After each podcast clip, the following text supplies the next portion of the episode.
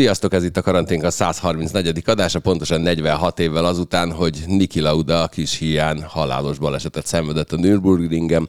Az volt a furcsa nekem, hogy én valamiért úgy emlékeztem, hogy én ezt a versenyt láttam, de ezek szerint nagyjából egy hónapos lehettem, úgyhogy marára nem, majd csak maximum archív felvételeken, úgyhogy hát inkább megkérdezem gyorsan Ádámot, hogy mi az a, az esemény, amire először emlékszik, hogy azt ő biztos, hogy látta, aztán majd kiderítjük, hogy dehogy látta.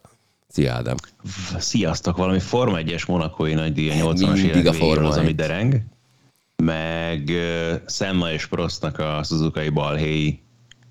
Az, amikor kilökik egymást az első igen, kanyarban? Igen, igen, igen, igen. Azt, azt viszont láttam. Azt hiszem, de kurva korán volt. Az valami hajnali futam. Igen. Ja. Tehát annyi akkor még kb. óvodás voltam, úgyhogy... Hát attól még láthattad. Ez én, így van. Én még óvodásra voltam, amikor Lauda kis ilyen bennégett a Nürburgringen, aztán egyébként most ez vissza, egyébként tényleg tegnap számomra kiderült, hogy én az biztos, hogy nem láttam élőben. Vagy lehet, hogy láttam, de a tudatomig nem jutott el, bár mondjuk egyébként ezt a mai napig tudom reprodukálni, hogy nézek valamit, és a tudatomig sem jut el. Így van ezzel a gólsorozat nagy rajongója Marci is. Szia Marci, hogy vagy? Milyen volt a nyaralás? Hát ne tegyél úgy, mint hogyha ez ilyen titkos információ lenne. Én nem, ezt te döntöd el, hogy elmondod-e, vagy nem. Ja, nem, hát nem volt. a nyaralás? Ez, igen. igen, de figyelj, a melegpornós részleteket Léci hagyd ki. A melegpornós részleteket azokat kihagyom, azok embargósak. De sajnos a nyaralásnak a fele az úgy telt, hogy szerdán vagy csütörtökön elkaptam a Covidot, onnantól kezdve egy olaszországi apartmanban feküdtem, nagyon nagy élmény volt, most valahogy hazakeveredtem, és most itthon fekszem ugyanúgy covidosan a budapesti lakásban, úgyhogy kicsit már... Megy még a Pronto című sorozat az olasz tévében, mert biztos volt időd most nézni. Volt egy tévé a, a lakásban, amit az Istennek se tudtam működésre bírni, pedig gondoltam, hogy milyen autentikus lesz Forma 1-es nagy díjat egy olasz tévén nézni, mégiscsak Ferrari, meg mit tudom én, hát nem tudtam bekapcsolni. A tévét? Aha. Miért nem hívtad fel a Faragó Ricsit, vagy Rossi Zoli bácsit, biztos, hogy távsegítséget nyújtottak volna, hogy hogy kell egy tévét bekapcsolni. Egyébként, ha már mondod Rossi Zoli bácsira, meg vagyok egy kicsit sértődve. Na, miért? Mert amikor például a, a Barta Zoli volt covidos, vagy, vagy mit tudom én, ő, őt fölhívta, hogy hogy van, jól vagy Zolikám, minden rendben.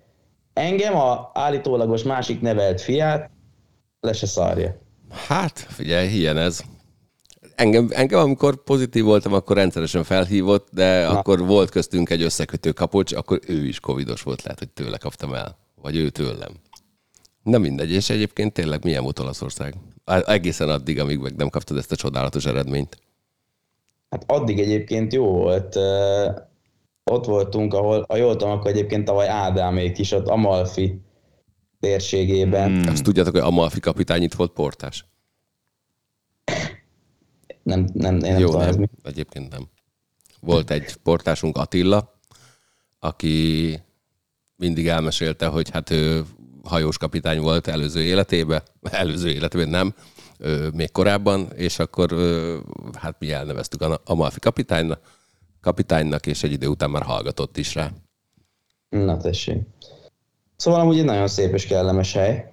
Így kiderült, hogy egy nap eltéréssel voltam Capri szigetén, mint Máté Pál. Majdnem, majdnem találkoztunk is. Mond, pont amikor beszéltünk telefonon, akkor mondta, hogy kár, hogy nem egyszerre voltunk, mert akkor találkozhattunk volna, és megfertőzhettél volna. Hogy örült volna neki? Így nem sikerült. Na hát, na hát. Ádám, mit kell tudni Lauda balesetéről?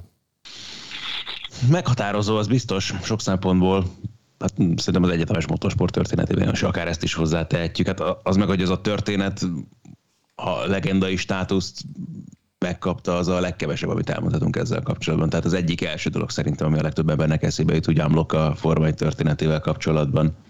És ez már jóval azelőtt így volt, mielőtt filmet készítettek volna belőle.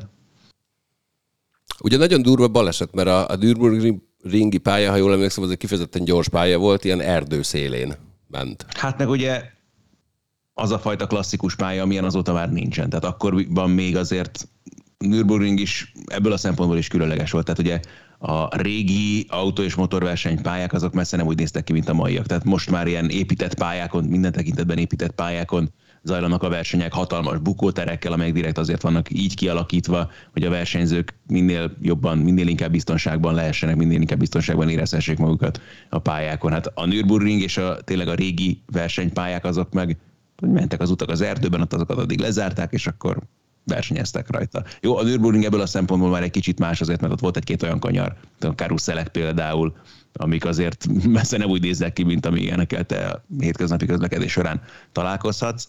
De a régi versenypályák azok még tényleg a század előn így lettek kialakítva, hogy csak fogták le, zártak ott utakat, aztán ott versenyeztek. Aztán Akar... ebből alakultak ki olyan helyszínek, amelyek nagyon sokáig akár még a Forma 1-es vagy a MotoGP-s versenynaptának is a részei voltak.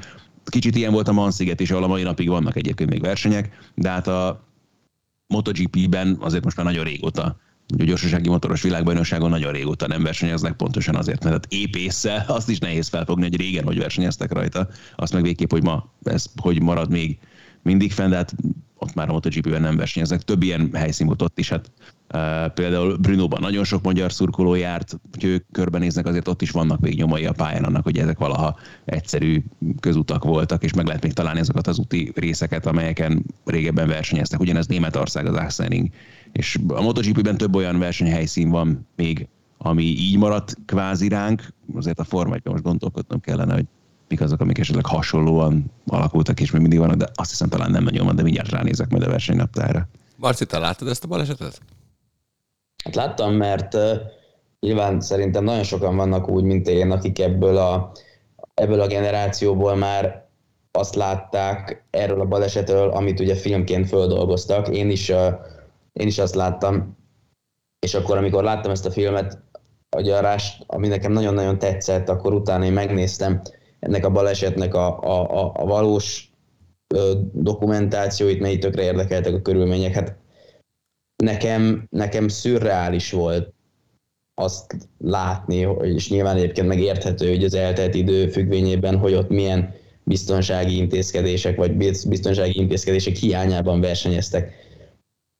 Mert az a pálya, az, az, az tényleg épésszel nekem föl sem fogható, hogy, hogy ott hogy lehetett ilyen sebességgel közlekedő embereket ilyen autókban versenyezni, engedni. Nyilván egy más kor volt, meg egy más világ, de hát az, az, az egy csoda, ahogy onnan ő visszajött szerintem. Meg, és, és egyébként meg a filmről meg csak annyit, hogy biztos majd ki fog rögni megint, de én nagyon-nagyon szeretem azt a filmet. Tehát nem, na, biztos vannak, akik nem szeretik, de szerintem, szerintem na, nagyon jó. Már a rást?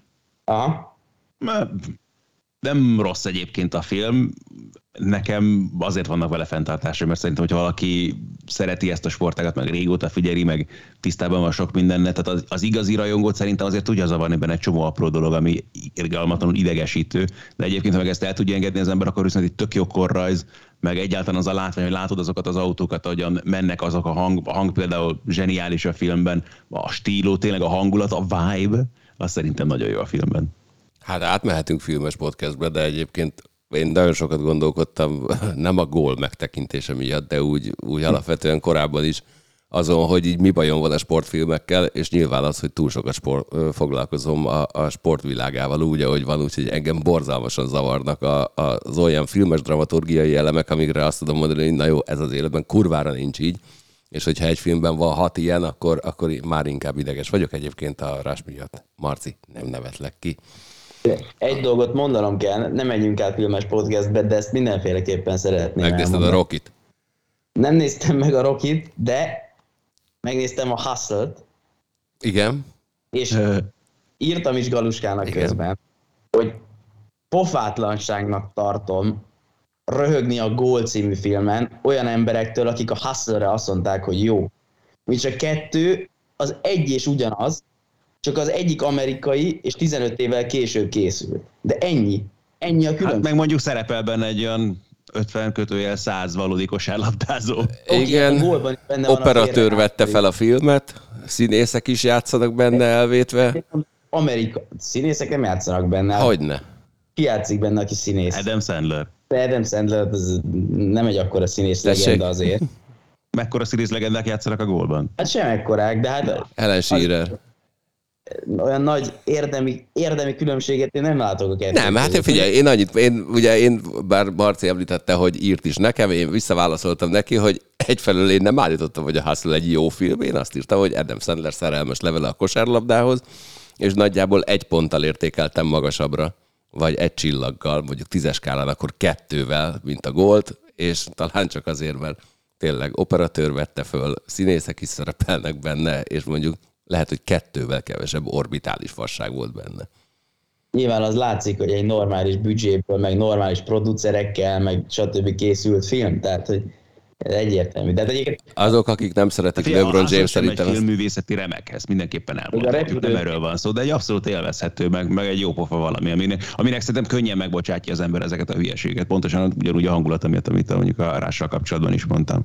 Nek, én, én bírtam amúgy, tehát nekem semmi bajom nincs bele, csak azért mondom, nekem a gól is hasonló. Jó, rendben, de egyébként, tehát a, amikor azt mondom, hogy színészek szerepeltek benne, és te visszakérdezel, hogy hány színész van benne, akkor azt mondom neked, hogy tulajdonképpen a, a hustle-ben kevésbé alakítják saját magukat a kosárlabdázók, mint amennyire mondjuk a, a, a, a gólban azok a, a végtelenül kellemetlen félperces kameók erejéig odaerőltetett labdarúgók, mert nem tudom, lehet, hogy Anthony Edwards olyan, mint a hustle-ben.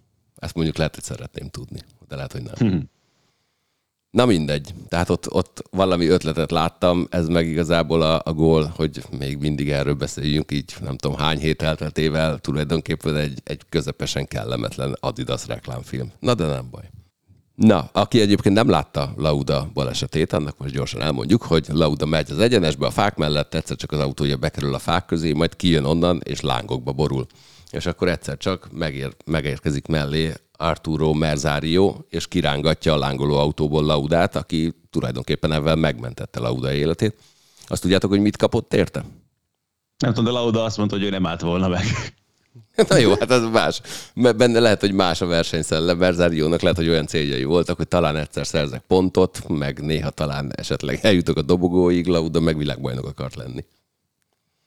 Na mindegy, a, egy Rolex órát kapott Laudától, hat héttel a baleset után, amikor Lauda visszatért versenyezni. És ebbe az a nagyon durva, hogy, hogy egyszer csak azt, azt, azt éled, éled át, hogy, hogy tényleg egy lépésre vagy attól, hogy, hogy meghallj, és ne folytathass, de hogy, nem hogy a versenyzés, de az életedet sem, és hat héttel később már újra ott állsz ugyanott. Tehát ez, ez egy kicsit még több is, mint a kutya harapás szőrével, azt hiszem. Hát halljaj, halljaj, persze.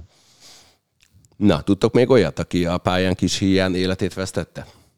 Én a focistákat a direkt meghagytam nektek. De jó, ha nem a pályán, akkor, akkor mondhatsz mást is. Ne, nekem van, és én direkt most, ugye mondtad egyébként is, Galuska írta, hogy a Christian Eriksen említése büntető példával jár, de nyilván annyit beszéltünk, hogy tényleg lehet mást találni, és én nem is focistát hoztam, hanem nekem Egan Bernál jutott eszembe. Uh. Ugye kerékpár versenyző, aki valamikor januárban talán edzésen szállt bele egy buszba, és, és törte olyan szinten ripityára magát, hogy ott, ott abszolút kérdés volt, hogy ő túléli a balesetet. Hát sőt. És hát élet-halál között vitték kórházba. Igen, mondjuk annyi, hogy ez nem ugye nem a versenyen, vagy nem eseményes, sporteseményen történt, hanem edzés közben, de... Nem volt. Igen. És, és abszolút csodával határos módon nagyon gyorsan vissza. És ugye versenyezni még nem versenyzett, de már, de már teljes értékűen egy hosszú hónapok óta. Az a szörny ezekkel a kerékpáros balesetekkel, hogy rengeteg olyan esetet tudunk mondani róla, és de hát ez meg világszintű dolog. Tehát most szegény Walter Attilának is volt például borzalmasan nagy balesete, és fogatörött ki, meg fú, Olaszországban néhány hete. Igen. Olaszországban ez különösen komoly probléma egyébként. Hát szegény Nicky Hayden például a korábbi MotoGP világbajnok ugye így halt meg egy közúti balesetben, kerékpározás közben, edzés közben.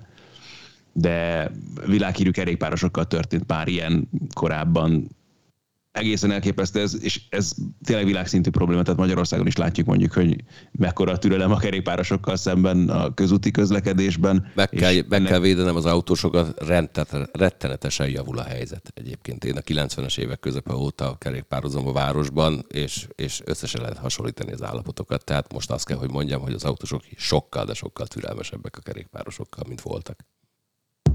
De azért nagyon nehéz lehet egyébként egy főleg profi országúti kerékpárosnak, aki óriási sebességgel megy ugye ott a közutakon, tehát azt, azt, azt autósként még nehezebb szerintem lekövetni.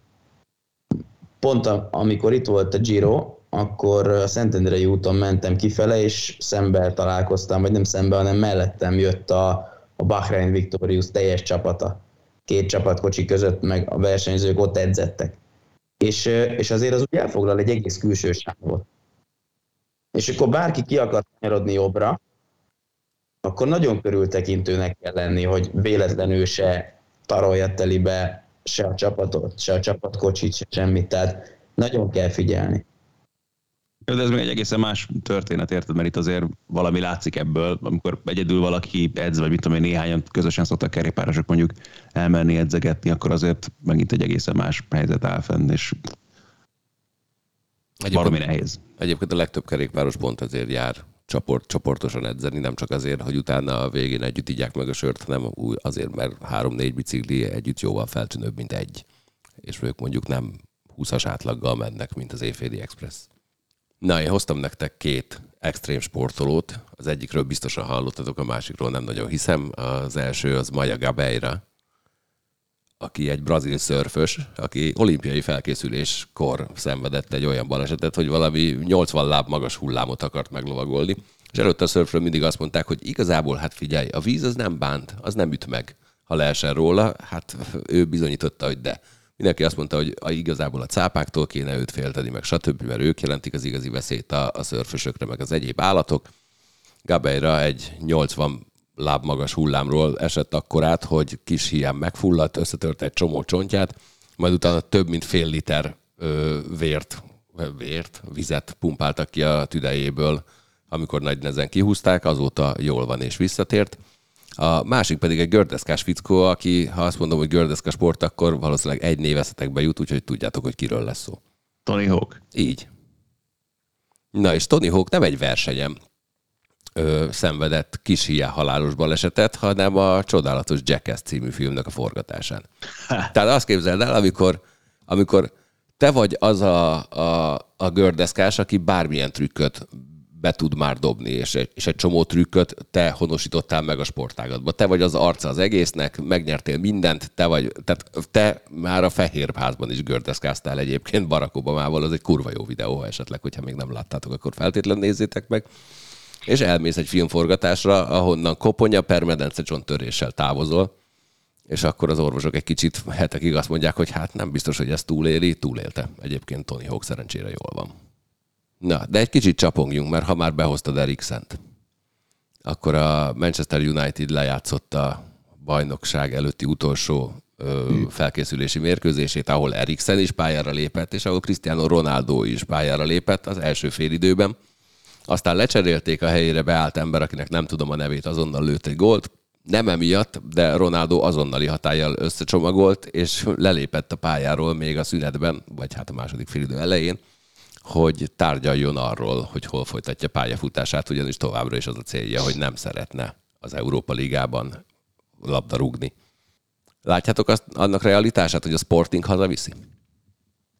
Nem annyira, de... Én nem, de, de nem, én nem, nem látok az értelmét. A, ő, ő, szerintem nem kizárólag BL-ben akar futballozni. Nyilván De ő azt mondja. De ő azt mondja, hogy, hogy mivel hogy ő tart rengeteg rekordot a bajnokok ligájában, ő bajnokok ligájában szereplő csapatban szeretne futballozni, ezért már kapott is ajánlatot egyébként. Hát azt hiszem, hogy Ferőer szigeteki csapattól akik egyelőre sikeresen tovább jutottak a BL selejtező körben, és felajánlottak 20 birkát Ronaldoért nem úgy értem, hanem hogy nem biztos, hogy nem biztos, hogy az a tény önmagában kielégíti az összes igényel csapat. Egyébként neki nyilván van más igénye is, ha más nem, akkor fizetési, amit nem tudom, hogy a Sporting hogy tudna például megadni neki. Mondjuk ő hát, biztos... Ott, ott van egy olyan történet, hogy hazatérsz. Oda, oda, oda térsz vissza, ahonnan indult a pályafutásod. A profi már biztos jöttök nekem majd mindenféle ilyen izé, utánpótlás csapatokkal, hogy hol kezdte ugye elvileg ő tavaly is hazatért, vagy hát mégis másképpen, de hazatért, és azért abból se lett, hogy akkor a tündérmese nem biztos, hogy most kétszer bele akar lépni ugyanabba a folyóba. Nem tudom, én nekem volt erről egyébként a Twitteren egy ilyen kis vit, vagy vitám, vagy nem tudom, beszélgetésem pár ö, emberrel, mert én, mert én, az, én kiírtam azt pont a pont pár nappal ezelőtt valamelyik hír hallatán, hogy én teljesen méltatlannak tartom azt, hogy a futballvilág most kezeli Cristiano Ronaldo-t, és én ezt abszolút fönn is tartom, mert szerintem, ez, mert szerintem az ő karrierjét, ambícióit, hozzáállását ismerve, és hát ezt jól ismerjük, teljesen érthető az, hogy ő nem akar Európa Liga csapatban szerepelni és nem lehet a szemére vetni azt, hogy az ő teljesítménye miatt van a Manchester United az Európa Ligában. Tehát aki nekem azt mondja, hogy egy játékos, aki 18 gólt lőtt a bajnokságban tavaly, messze a legtöbbet az egész csapatban, ő az oka annak, hogy a csapat nem jutott előrébb a hatodik helynél, ezért meg azért meg azért, szerintem teljes nonsens. Tehát lehet sok minden mond Cristiano Ronaldo játékstílusára, meg, meg csapaton belüli szerepvállalására, mit tudom én, de ne kezeljük már őt egy ilyen ballasztként, mert... Figyelj, akkor csak február óta, most csak amit gyorsan látok, tehát Cristiano Ronaldo góljai a Manchester Unitedben. Oké, okay, volt egy Arsenal elleni 3-1-es vereség során egy gólya. Alamizsna. A Chelsea elleni 1 során szintén volt egy gólya. A Brentford 3-0-as legyőzése során volt gólya. A Norwich 3-2-es legyőzése során valóban mind a három gólt ő szerezte, és kellett is, hogy nyerjenek. Erre emlékszik a Marci csak. Egy, egy ki, igen. nem elleni Mester 3-as és a Brighton. Hát akkor most azért felsoroltam, tudom, 10 gólt, közte két Mester 3-ast, és közte három olyat, amit top, amit top 6-os csapatnak lőtt. Igen, mondjuk nekem is eszembe jutott, hogy most uh, nem, ér, nem érte, hogy hirtelen a, a második Mester 3 után kezdtem el gondolkodni azon, hogy mire akartál ebben kiukadni, mert ez nem hangzik nekem szarul. Egy rossz statisztika szerintem. Most a Tatanem ellen, oké, okay, azt mondom, legyen. Petúr Andris kérdez meg erről. Ajaj, hát azt...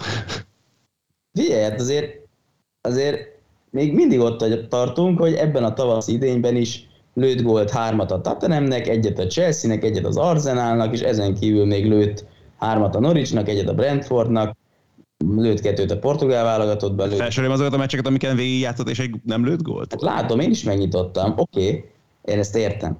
De szerintem ez egy végtelenül leegyszerűsítő hozzáállás, hogy azt mondod, vagy azt mondja bár. Nem ezt mondom, ennél sokkal több mindent lehetne mondani, és ez a nagyon messzire vívő dolog, és főleg nem a mi podcastünknek lenne szerintem a megfelelő tartalma. Meg Le sem vagyunk, hetek óta nem készül. Tehát ha bárki beteszi Ronaldot a csapatába jelen pillanatban, oké, kapsz egy olyan játékos, akiben benne van a gólveszély bárhonnan, de az is benne vagy tőle mondjuk nem feltétlenül kapod vissza a labdát akkor, amikor a 16-os környékén játszol, és mondjuk a modern labdarúgás elvei, meg azoknak az edzőknek az elvei, akik mondjuk a legnagyobb szinten vannak jelen pillanatban, nem feltétlenül összeegyeztethetőek ezzel. És akkor ez nagyon leegyszerűsítettem ezt a problémát, de mondom, ez nem új keletű dolog, mert ezt nem ma óta beszélgetünk erről Ronaldo kapcsán. Hát tény. Másik, és valahol például az idán félig meddig ezzel újította meg az ő pályafutását, és ezzel találta meg az ő helyét abban a Real Madridban, amely szétnyerte magát. Hát tény egyébként, hogy Ronaldo leigazolása már inkább marketing lenne, és én ezért látok egyébként esélyt ebbe a sportingba. Tehát mi, ennek, mi, mi lehet ennél nagyobb marketing? Én, én, én azt gondolom, hogy van egy pár olyan BL részvevő csapat, amely elmondhatja magáról, hogy neki nincs szüksége Cristiano Ronaldo-ra. Ilyen mondjuk a Manchester City, ilyen, ilyen a Liverpool. Hát figyelj, végigbontad azokat a csapatokat, akiknek valódi esély van arra, hogy meg is nyerik ezt a sorozatot. Ez így azt hiszem önmagában gálja a helyét. No, mondja. Amit mondasz. Tehát tényleg, így van. Hogy azok Na, a hát de akkor megérted, tehát innen kezdve, okay. tehát a bajnokok ligában akar játszani, oké, okay, de akkor tényleg ez marad, hogy Ezen tudom, menjen a... Van olyan csapat, amelyiknek mondjuk egy, egy vagy két lépés hiányzik ahhoz, hogy, hogy mondjuk reális kihívóként értékelhessd őt, és lehet, hogy az az egy vagy két lépés egyik éppen Ronaldo lenne? Én azt gondolom, hogy ilyen csapatból van egy pár. Mit tudom én, most csak mondok egy-két példát. Pont egyébként a szóba hozták ugye a Nápolyjal, de adott esetben ott van a Milán, ami már úgyis tulajdonképpen berendet épít a kiöregedőben lévő középcsatárok foglalkoztatására.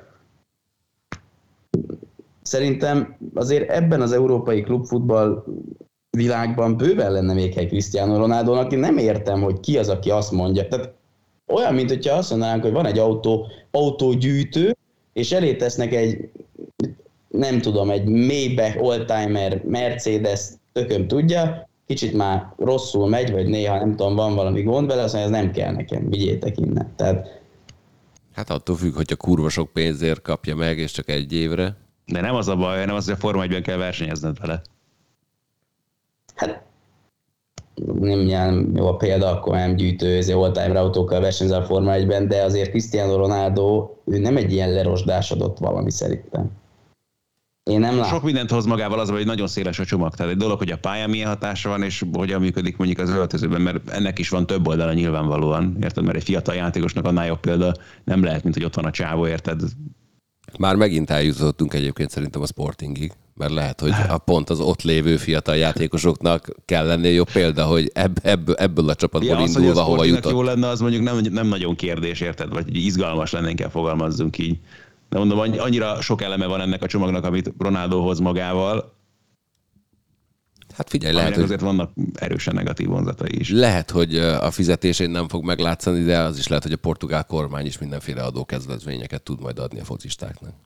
Az lehet. Ugye ő már egyébként mondta, tehát az már, az már kiderült, hogy ő enged a fizetéséből, ami egyébként már a mostani fizetés sincs ott a, a jelenlegi focista fizetések top, top 5-jében, lehet, hogy a top 10-ében sem.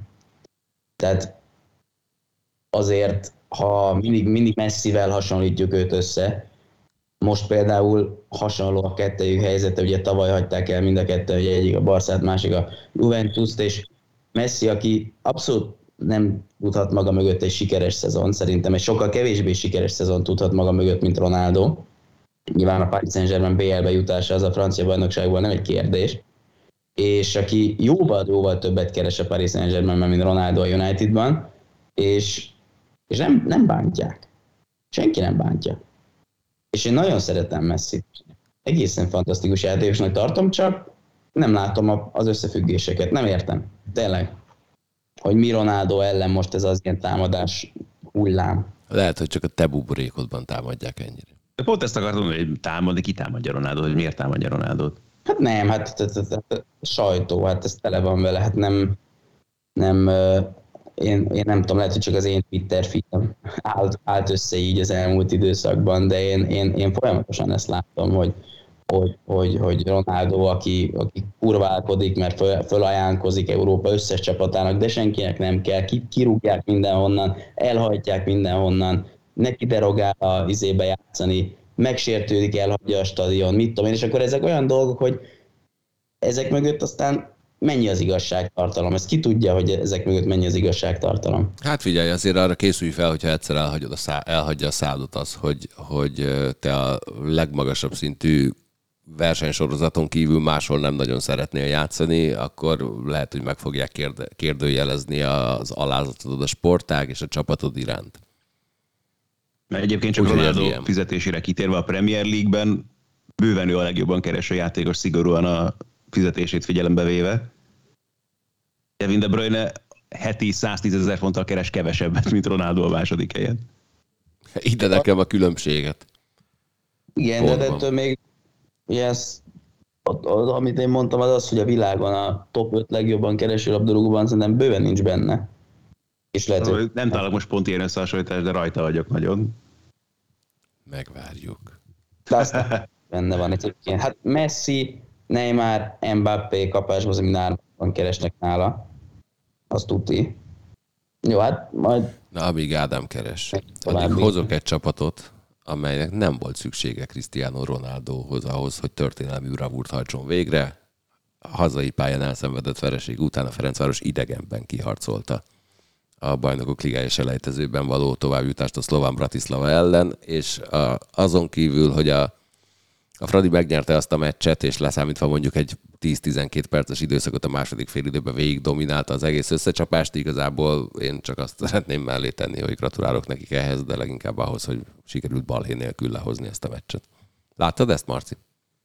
Láttam, igen. Ö, vagy hát félig meddig láttam, mert szakadozott elég ott az internet, de, de azért láttam. Jobb csapat az a Fradi, mint ez a szlován Bratislava. Körülbelül annyival jobb csapat, mint amennyi a végén a különbség lett. Az mindig egy tök nagy dolog egyébként, amikor egy ilyen oda-visszavágós párharcban a papíron jobb csapat azért az így ki is tudja domborítani ezt a különbséget, és ez sokáig ez nem nézett ki így, úgyhogy a Fradi jól játszott. Nekem nagyon-nagyon tetszik Lajdun játéka. Tehát ö, olyan, olyan kicsit nézni a Fradi Lajdunival, mint, mint amikor így a tanár bácsi és a tíz kis nebulója a pályán. Tehát fantasztikusan foghatja a középpályát szerintem, és, és nagyon, nagyon jó igazolás volt ő még annó. Úgyhogy az ő játéka az abszolút kulcs kérdés szerintem a Fradi sikeressége szempontjából. Még nagyon tetszik nekem az Zakariassen. Két nagyon jó játékos a középpályán. Úgyhogy a Fradi. Az a Fradi. Szerintem minden esély megvan, hogy elmenjenek a BL főtáblára. Az, hogy nem volt balhé, az, az egy nagyon nagy öröm, és amit az előző podcastben is mondtam, az most is olyan tartom, hogy engem ami nagyon zavart, továbbra is zavar, az ez az uszítás, ami így ment a, a magyar médiában, így a meccs előtt, közben, alatt. Nem, ez ne annyira fölösleges. És ahhoz képest egyébként nem annyira ültek föl rá az emberek, tehát végül is tényleg nem volt semmi komoly atrocitás. Igen, és azt hiszem, hogy tényleg ez a legfontosabb. Beszélgettünk már két héttel ezelőtt a Karabakról, amikor kiderült, hogy ennek a párháznak a továbbjutója a azeri bajnokkal találkozik. Igen, miket tudok. Ádám akkor azt mondta, hogy a Karabak erős lehet. Mert hogy éppen erős is lesz. Erős is lesz, oké. Okay. Nagyon sokan szeretnek sokszor hivatkozni a transfermárt adataira, hogy melyik csapat az értékesebb. Igen, ezért, ezért hozom. A Fradi lényegesen értékesebb jelen pillanatban játékos állományát tekintve a Karabaknál. Miért nevettél így, Ádi? Nem, mert ez, ez, ez nekem régi veszőparipám, szerintem beszélgettünk már itt a podcastben is erről. Tehát ez tök jó dolog ez a transfer, már meg nagyon aranyos, meg nagyon izgalmas, de az, hogy mennyiért vásárolnak meg mondjuk egy játékost, és ők mennyire satszolják az ő idézőjelben úgynevezett piaci értékét, az általában megint már két különböző dolog. Tehát, hogyha arról akarunk beszélni, hogy mennyibe került konkrétan egy futballcsapat kerete, akkor az egy egészen más szám, és figyelembe venni nem ártan azokat a piaci saját, sajátosságokat, ahogyan működik mondjuk egyáltalán egy futballcsapat keretének az összeállítása. Tehát azok egy elég rendesen félrevívő számok, vagy értékelések fogalmazunk így, amit ők ilyenkor besatszolnak, hogy most éppen egy játékos, akit egyébként megvettek ennyiért, oda kerül egy csapathoz, akkor abban a pillanatban ők már ugye mondjuk megdobják az ő értékét. De, de nem is biztos, hogy annyira tippelik egyáltalán az ő értékét, amennyiért megvették, vagy olyan, hogy sokkal többre tippelik az ő értékét abban a pillanatban, hogy megérkezett egy csapathoz, tök érthető módon, hogy mennyiért fogják eladni. Tehát ez alapján besatszol egy csapat értéket, akkor már megint egy érdekes dolog.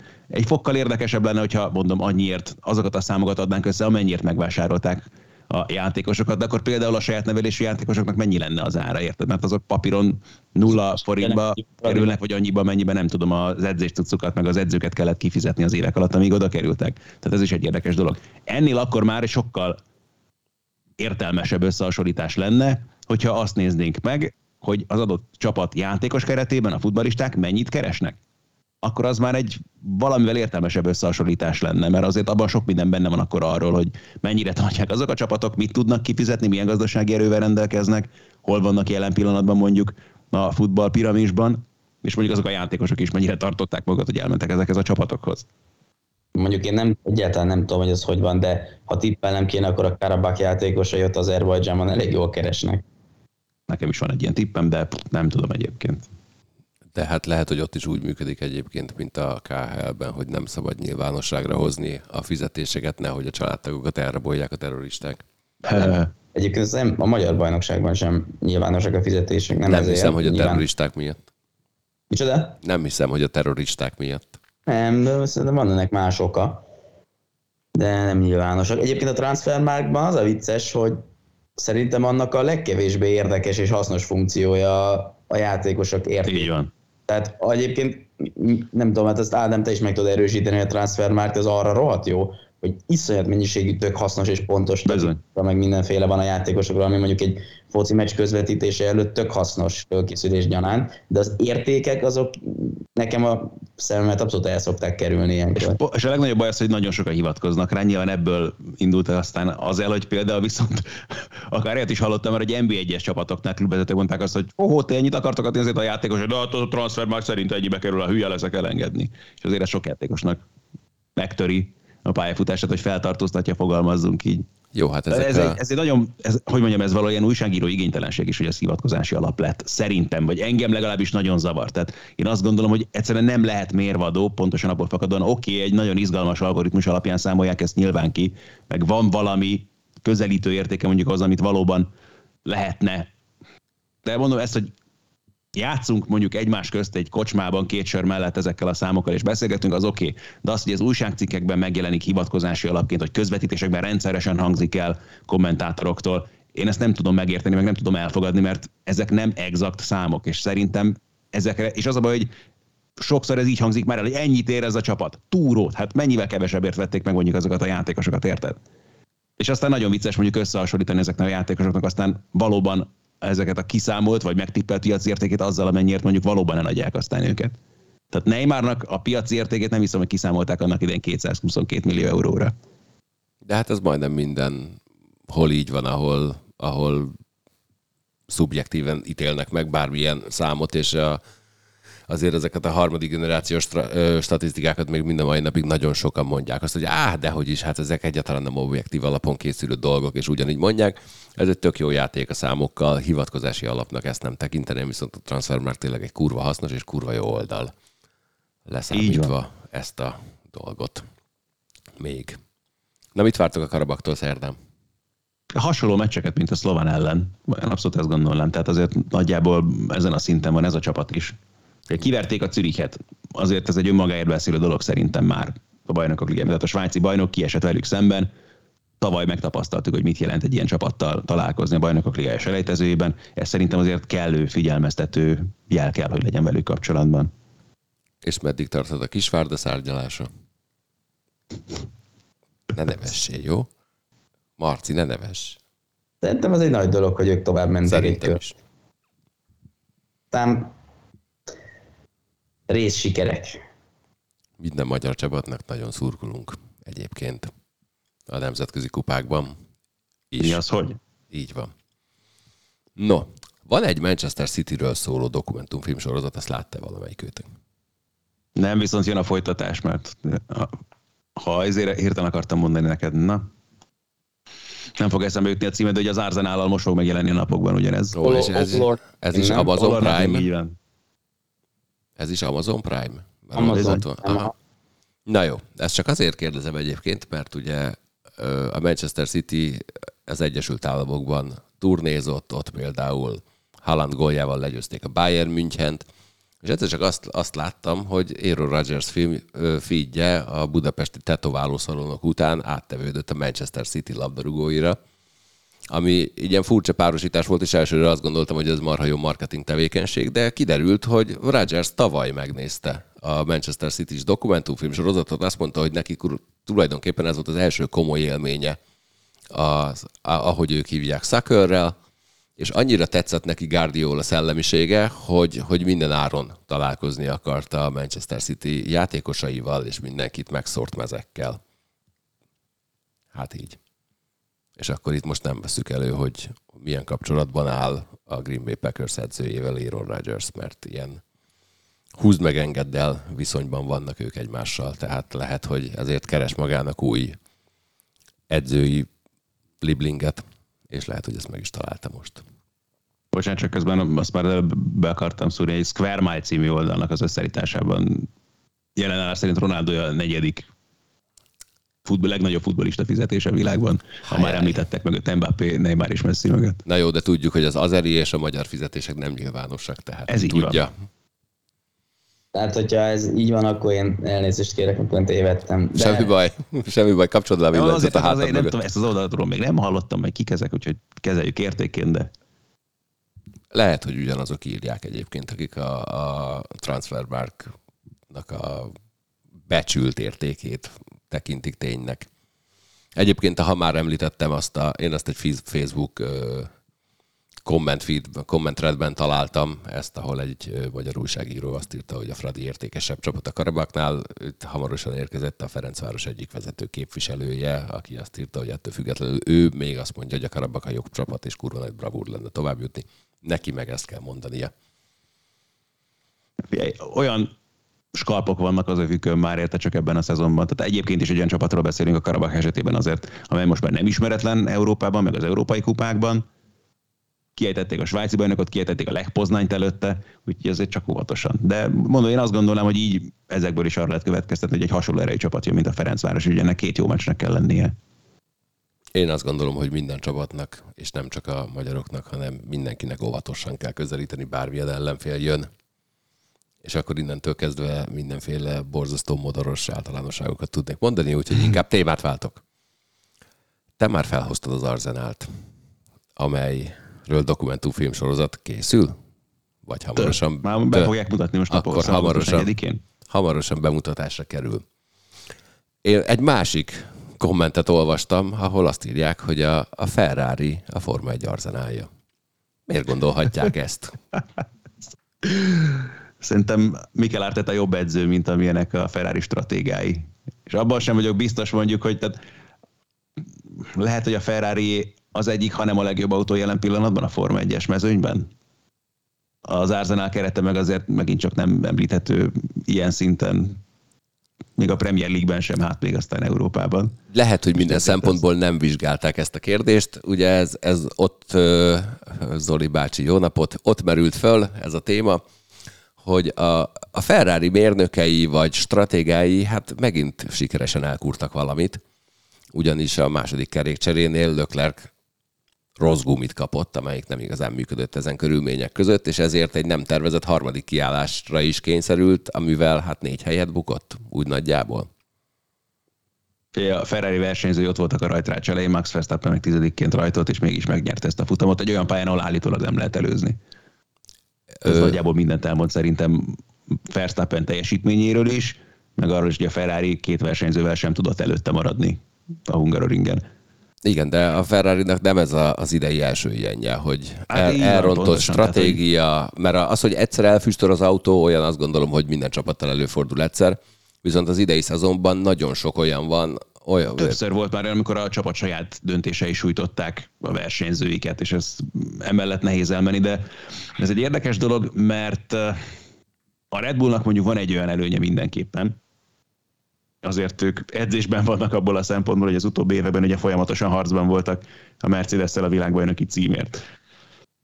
A ferrari is voltak azért a korábbi években olyan versenyzői, akár Fettel, akár Alonso, abszolút ez a kategória, akik egyértelműen ugye esélyesek voltak a világbajnoki címére. Valahogy soha nem akartak összeállni azok a dolgok, de az biztos, hogy amíg a Red Bullnál kialakult az a fajta csapat is, amely tényleg sikere tudta vinni a versenyzőiket Max Verstappen személyében, és tényleg úgy edzésben vagy formában vannak, hogy pontosan tudják az ilyen helyzetekben, hogyan kell reagálni, megvan ez a fajta tapasztalatuk működött. Ez a Ferrariból azért kicsit kiveszett az utóbbi években. Lehet, hogy csak hagyni kell őket, hogy tényleg a harctéri tapasztalat ebből a szempontból meg legyen, hogy megint olyan párosuk van, olyan autójuk van, amely folyamatosan a győzelmekért harcol, és egy idő után ez a Red Bullnál is ilyen lehet, hogy papíron, és most hülyen fog hangzani, amit mondok, kevesebbet kell gondolkodnia mondjuk Horneréknek, amikor egy ilyen szituációba keverednek, hogy milyen döntést hozzanak, mert ebben vannak benne az utóbbi években. A ferrari egy picit odébb volt az elmúlt néhány szezonban. Ez egy nagyon ilyen, nem tudom, tényleg ilyen piaci okoskodás, vagy mit mondjak neked, tehát ez a... Igen, nem, nem, nekem az a fura, hogy, hogy ugye azt mondjuk, hogy hát rutintalan jelen pillanatban az a stáb, amelyik összeállt, és akkor ebbe bele kell érni, de hát a, Forma egy egyik legtradicionálisabb csapatáról beszélünk amelyik nyilván lehet, hogy sokat számít, hogy 14 éve nem nyertek világbajnoki címet, de ugyanakkor ez a tím, ez összerakta jelen pillanatban a, a sorozat talán legerősebb autóját.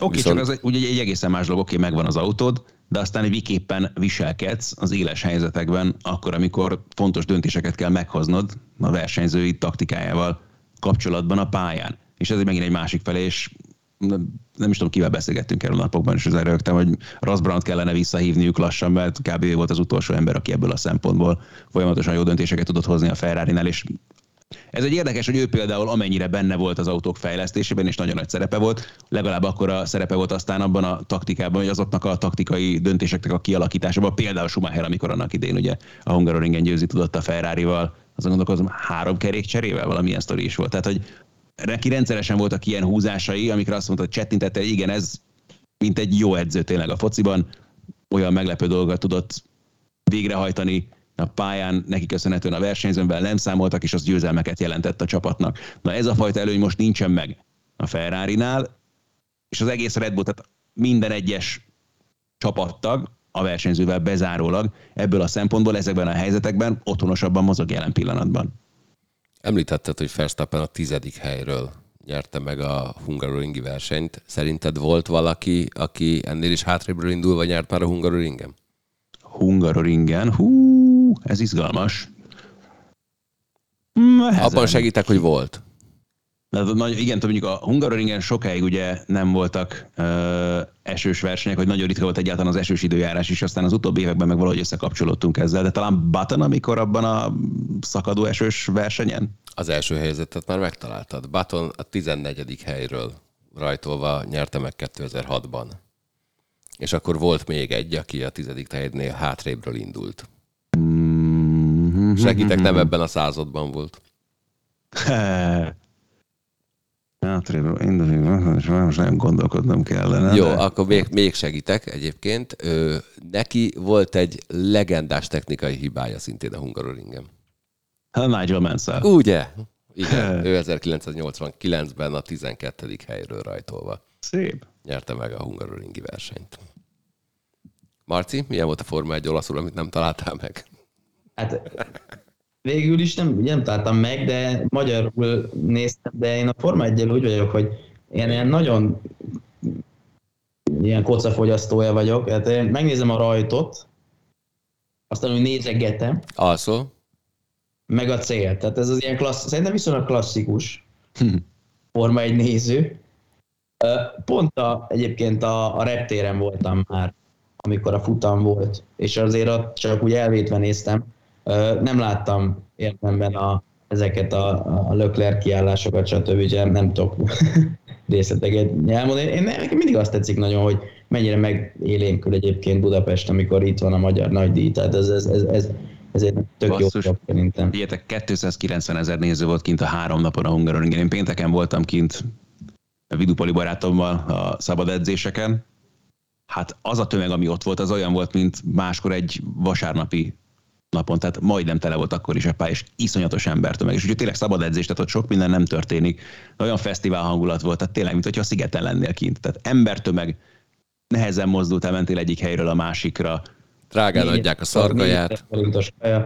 Micsoda, bocsánat, nem értem. Drágán adják a szarkaját.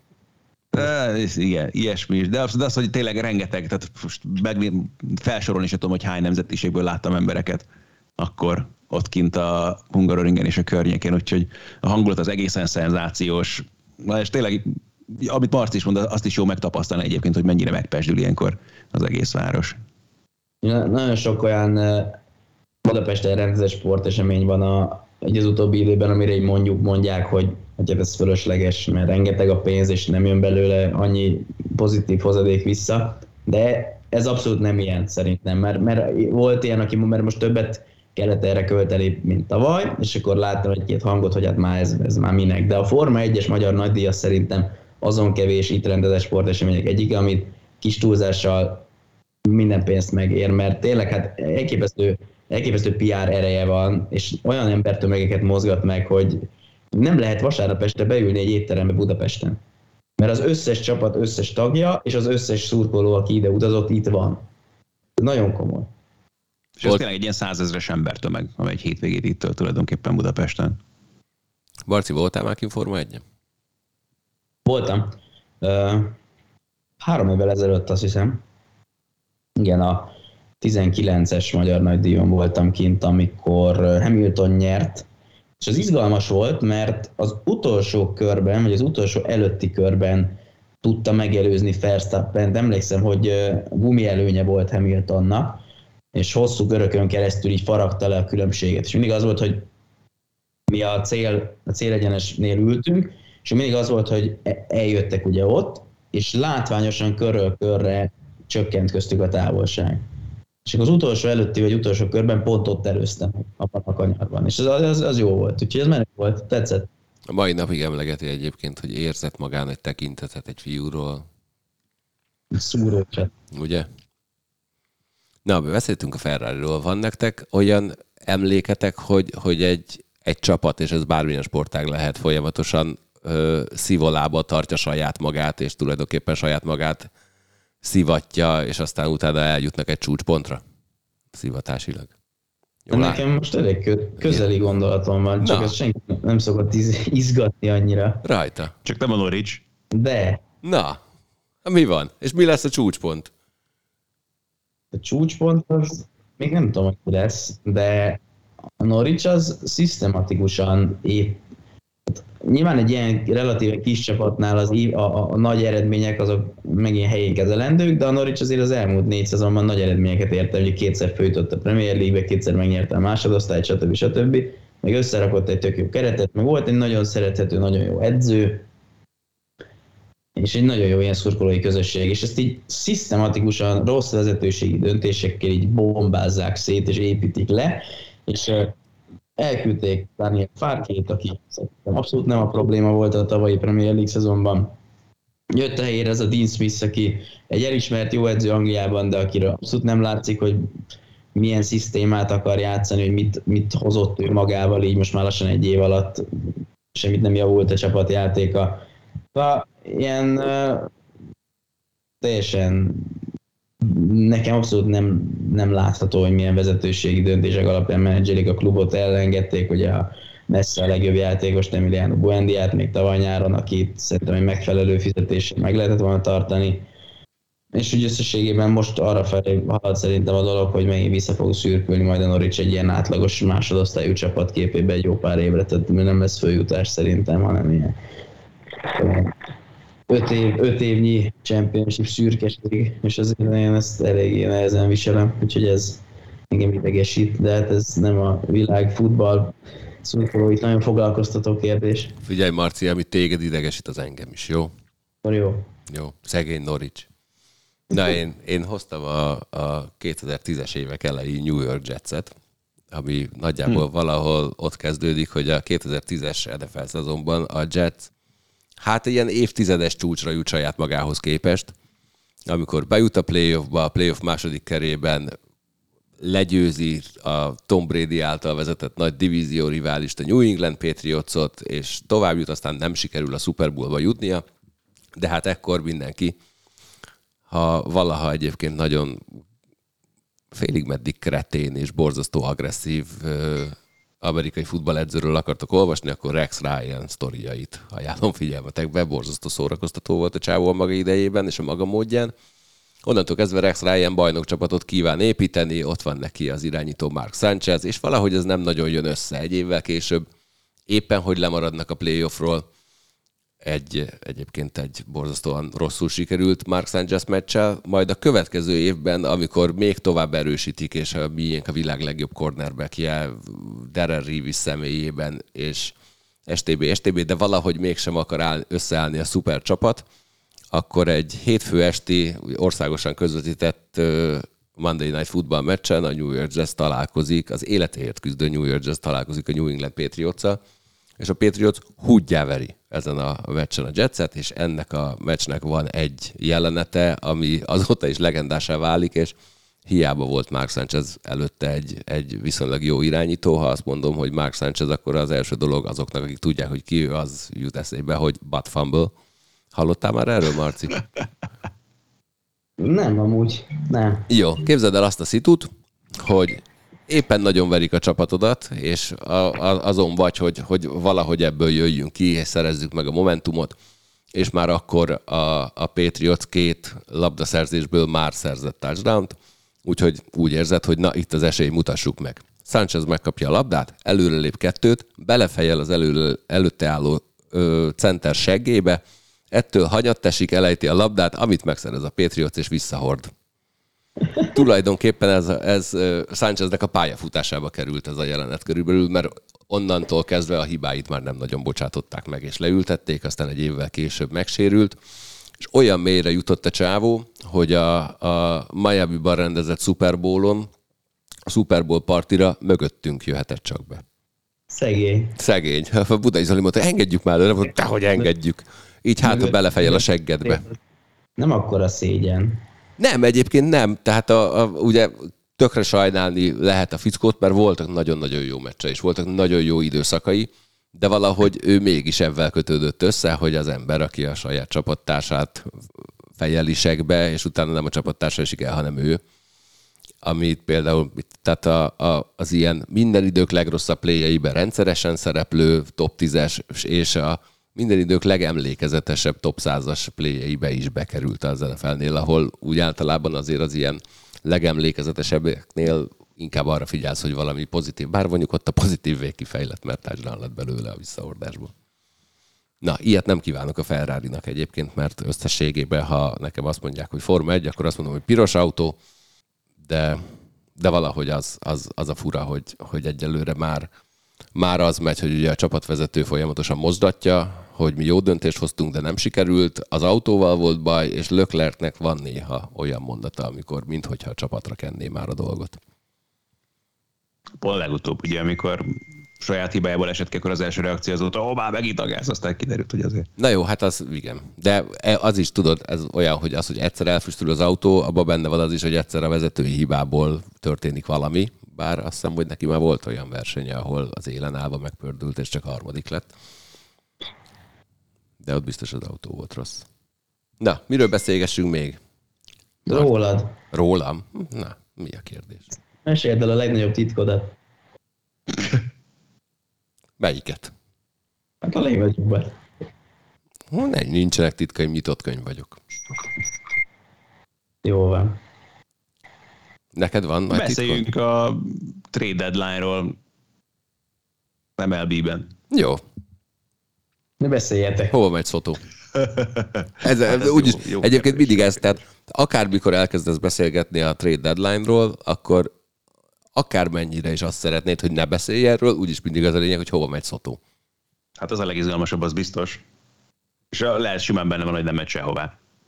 Igen, egyébként a legtöbbször ez szokott lenni, vagy, vagy valami elképesztő szart húznak. Tehát a, a másik az, amikor ilyen nagyon-nagyon várod. Azt. Az a nagyon érdekes egyébként ezzel kapcsolatban, hogy ugye eladás alatt van elméletileg a csapat.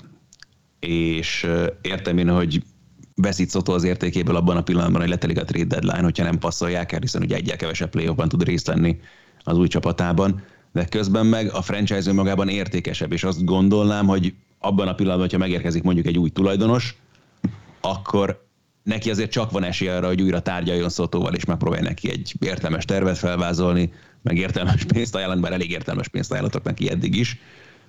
Ugye itt ezen is megy a harakiri, hogy ezért is lenne hajlandó a Nationals elcserélni Szotót, mert uh, ugye visszautasított ezt a bizonyos szerződés ajánlatot Szotó, meg ugye besértődött arra, hogy ezt nyilvánosságra hozták.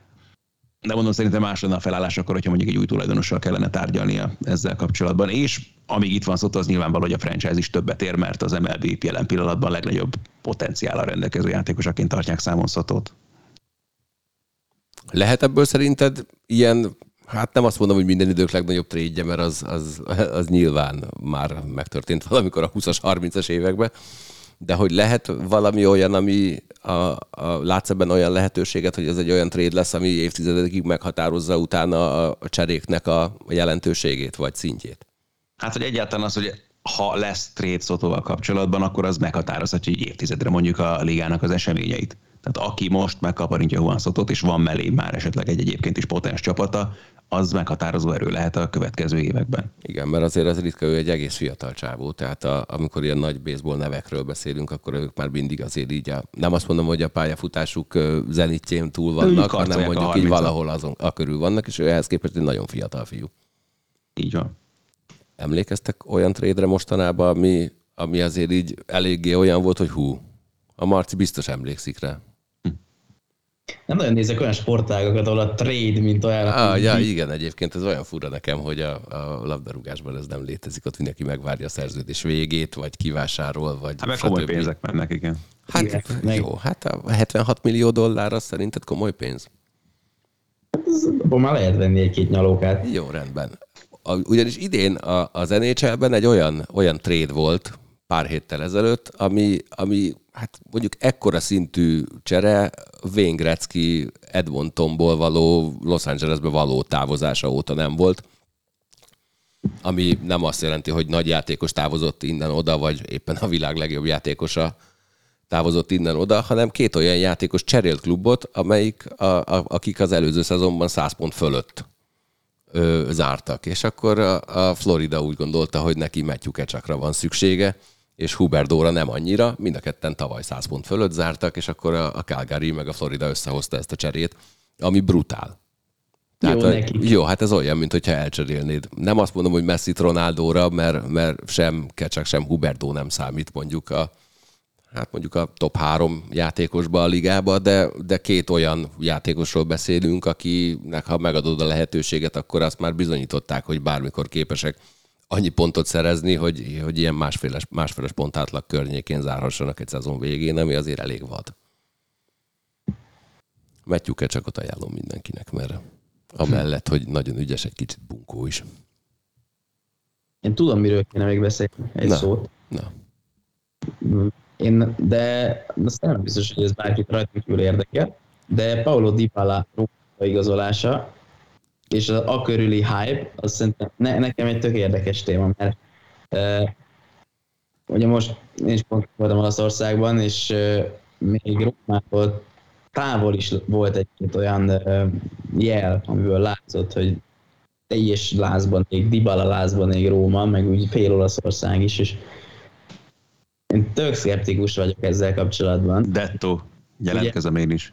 Szaniszló Csabi, én is. Szaniszló Csabi Twitterét mindig olvasom, és, és látom, hogy ő nyilván mind- Róma szurkolók szívéből szólva teljesen oda van, de azt teljesen megértem, hogy így fogadták Dybalát, miért ne fogadták volna így, hát tök jó, nagyon jó az a szurkolói láz, de hogy tőle azt várják most, hogy ő lesz a római futball messiása, az szerintem egy tök túlzó elvárás, mert hogy Paulo Dybala az előző két-három szezonban a Juventusban egy abszolút átlagos, de helyenként kifejezetten gyenge teljesítmény nyújtó játékos volt. És nem tudom, hogy nem lesz a Róma szurkolóknak ez egy életük csalódás. Hát figyelj, lehet, hogy Simán benne van. megnézték a transfermártot, megnézték, hogy hú, hát ez kurva értékes ez a csávó, és ilyen értékes csávó nem szokott ide jönni. Hát ennek örülni kell, hogy ő ide Paulo Dybala egy nagyon jó játékos, és ennek a mostani Róma keretnek a legjobb játékos, játékosa lehet még jelenleg. A kereső, hogy Zaniolóból mi tud kijönni. De még azt is hajlamos vagyok elfogadni, hogy mondjuk Batistuta óta ilyen játékos, vagy ilyen szintű játékos lehet, hogy nem igazolt a Róma, de nincs Hát, aztán lehet, hogy az időszévi meg sok mindent nem is lehet összehasonlítani nyilván két ilyen játékos, de Batistuta akkor tényleg top szintű klasszis volt. Dybala nagyon közel van ehhez, de szerintem egy picit alatta, és pont ebből, amit Marci is mond, hogy jó, már Torinóban is óriási volt a hype körülötte, nagyon-nagyon jó játékos Paulo Dybala, de simán el tud tűnni meccsekre. És ez meg, tehát az magáért beszélő dolog, hogy végül is a Juventus nem hosszabbított vele. Hát És figyelj, ennek is van sok összetevője, amiben nyilván úgy tudom, hogy ügynököt mindenkit bele lehet tenni, de a Juventusnak szerintem annyira azért nem fáj az, hogy elengedték Dybalát, pontosan azért, mert egy kis csalódottság szerintem Torinóban is van vele kapcsolatban, hogy mi az, amit kihozott magából, vagy mi az, amit ő ott letett az asztalra. hát figyelj, lehet, hogy a legnagyobb sikere az az, hogy a Fradinak a BL csoportmeccsen gólt lőtt. Lehet, hogy nem, nem tudom. Egy, tehát a, a, ugye a, a Csabi, amikor így belelkesül, az, az oké, azt így tegyük félre, mert ott a, a realitás érzéke néha elcsúszik. De hát ugye ez, ha, ha ilyen messiásként várnak, akkor az viszonylag ritkán szokott jól elsülni. Lásd most Ronaldót is lehet, hogy messiásként várták a Manchester Unitedbe, aztán az lett a vége, ami. De közben én hiszek Csabinak, amikor, a, ahogy Dávid Kornél nevezi, a portugál verebes, ahogy átvette a Róma vezetését, abban, abban látszik valami, hogy valami megváltozott a Rómánál, és lehet, hogy a portugál verebesnek az van a fejébe, hogy, hogy neki Dybala az a hiányzó láncem, amire szüksége van, hogy még egyel tovább lépjen, és akár már az Európa Ligában is szerep, jól szerepeljen a csapat. Még ami érdekes, hogy Dybala azért egy olyan játékos, akinek így voltak önbizalom itt az előző szezonokban. És hogy pont ez a rohadt nagy nyomás, ami most a vállán nehezedik Rómában, az én nem tudom, hogy jót vagy rosszat vált ki belőle.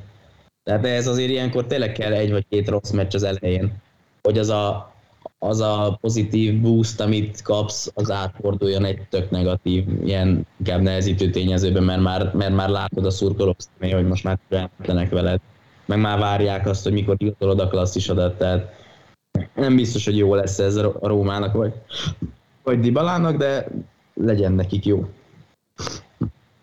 Marci, azt mondtad adás előtt, hogy erről szeretnél beszélni. Lékai Mátét, az új csapata, ha majd lesz új csapata, akkor messiásként fogja várni?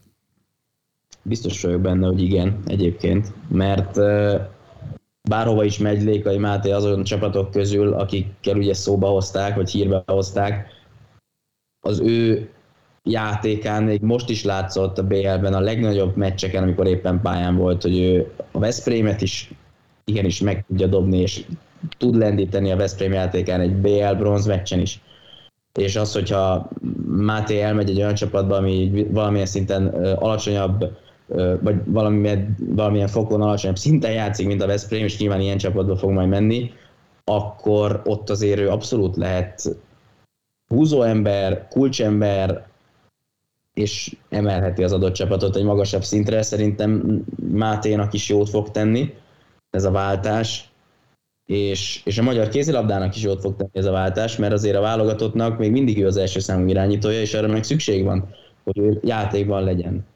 Úgyhogy szerintem bármi is volt ennek a döntésnek a hátterében, végül is így a, a, a felek szempontjából egy egészséges, jó döntés született meg. Úgyhogy én, én, én tök kíváncsian várom, hogy hova megy, és azt, hogy majd milyen, milyen lesz. Jó.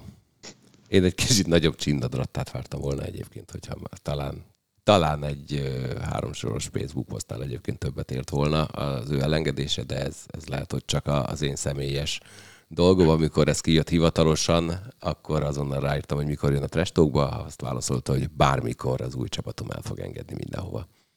Úgyhogy majd jön a Trestókba, szórakoztató lesz. Remélem. Várjuk. Ja, majd valami szeptember elejé időszakot már be is lőttünk. Na mi van még? Nem nézted meg a Rokit? Nem. Nem. A, nem, nem azért, nem akartam amúgy, hanem mert az olasz szálláson nagyon szar volt a wifi. Jó, rendben. Akkor, akkor viszont a két héttel ezelőtt feldobott Shaolin Sucker-t nézd meg, légy szíves jövő hétre, jó? Már a focinál. Shaolin Sucker jobb film, mint a gól, jó? Jó. Figyelj, nem is akar játszani a realitással. Jó. Ádám, mit vársz legjobban a héten? Jövő héten mit várok Ezen. legjobban? Már mindenféle foci meccseket fog közvetíteni már ma is. Hát figyelj, az, a, a, azt nem tudom, hogy láttad-e tegnap a, a Hertha, Hertha német Micsoda? kupa meccsét? Faragó Ótéri Hárd. Hát figyelj, de nem az, hogy... Fa... két mérkőzésre. Mind a kettő hosszabbítás lett, de hát kb. a, a Hertával, amikor így kijött, akkor így mondtad neki, hogy Ricsi, hogy csináltad ezt, hogy már júliusban kihúztad az év meccsét? ja, mert ugye ezt mi adtuk? Igen. Hát persze. Mert Na, én, azt az, én, én tegnap, ugye nem, nem, én csak az eredményeket néztem, és néztem, hogy négy, négy, milyen meccs lehet, de azt nem tudtam, hogy adtuk is. Hát hogy ne, hát figyelj. Az Elversberg leverkusen is. Igen, azt tudom, az, is hossz, az is hosszabbításos volt, és kurva vicces volt, mert ugye hát végighallgattam a, a, a vezérlővel való egyeztetést. Mi legyen, kapcsolódjunk be a hertába. Jó, de mi van, ha gól lesz? Á, nem lesz gól. Jó, megbeszélték. Elindult. Szalai Tamás szerkesztő kollégák mondta, hogy hát azért még ott pont kiment a labda, lehet, hogy az Ábelt meg lehetne kérdezni valamiről, végül Ábel kérdése, vagyis Ábel válasza kimaradt. Úgyhogy abban a pillanatban, hogy megszólalt Richard, hogy na itt is vagyunk, nem maradtunk le semmiről, gól. Így kezdődött. Aztán, ja, úgy folytatódott. Ha valaki nagyon szereti a, a focit, az izgalmas fordulatos meccseket, nézze meg. Hát, ha ismételjük valamikor. És tényleg Faragó, hosszabbítás, Richard, ez most már tényleg fix pont. Marci, te mit csinálsz a héten? Én is nagyon szeretném tudni. Negatív tesztekre hajtasz? Szeretném tudni. Elméletileg közvetítek három kézilabda mérkőzést. Hát, már csak kettőt, nem? Hát még én az elvi lehetőségét nem zárom ki a háromnak. Ja, holnapinak, jó. Esetleges holnapi negatív teszt függvényében, de erre azért kis esélyt látok. Igen, ebben a köhögéssel sikerült ráerősítened. Igen, amúgy nagyon szorgalmasan némítgattam le magamat eddig az adásban. Én láttam. De figyelj, gyógyuljál meg, az a legfontosabb, a többit meg le kell szarni. Ja, úgyhogy meglátjuk. Hát jó. Csütörtökön lesz majd restók. Jön majd a, az az U23-as baseball válogatottnak pár képviselői, akik megjárták az Egyesült Államokat, meg voltak kint a kivetítőn a San Francisco Giants hazai mérkőzésén, és a többi, és majd még minden mással fogunk még foglalkozni, és a héten nagyon-nagyon sok minden fog történni, hirtelen föl se tudom sorolni mennyi. Úgyhogy nézzétek, és az EMC Mikro alkalmazáson is bármikor visszanézhetitek a korábbi dolgot. Az EMC Mikro alkalmazással kapcsolatban pedig még azt szeretném elmondani, a Csabi egyszer behívott az irodájába, és azt mondta, na majd ezt elmondhatjátok, mert most már böngészőn keresztül is működni fog az EMC Mikro. Nézd, megnyomta a plét, és nem történt semmi. Aztán azt mondta, hogy nem voltam fönn a neten, tehát egy ilyen 20 perc múlva jött, hogy nézd, már megy, és akkor ment. Az Eliup elindult, a Trestok nem. Úgyhogy valami széthúzást érzek én ott. Na mindegy. Ez jó. Ugye? Az. No, hát köszönöm szépen mindenkinek, hogy itt volt, nektek, hogy eljöttetek. Ádám, pihenjél, aztán hajrá ezre a hétre, Marci, te meg gyógyuljál meg kurva gyorsan, jó? Így, így. Vigyázzatok magatokra, sziasztok! Sziasztok! A műsor a Béton partnere.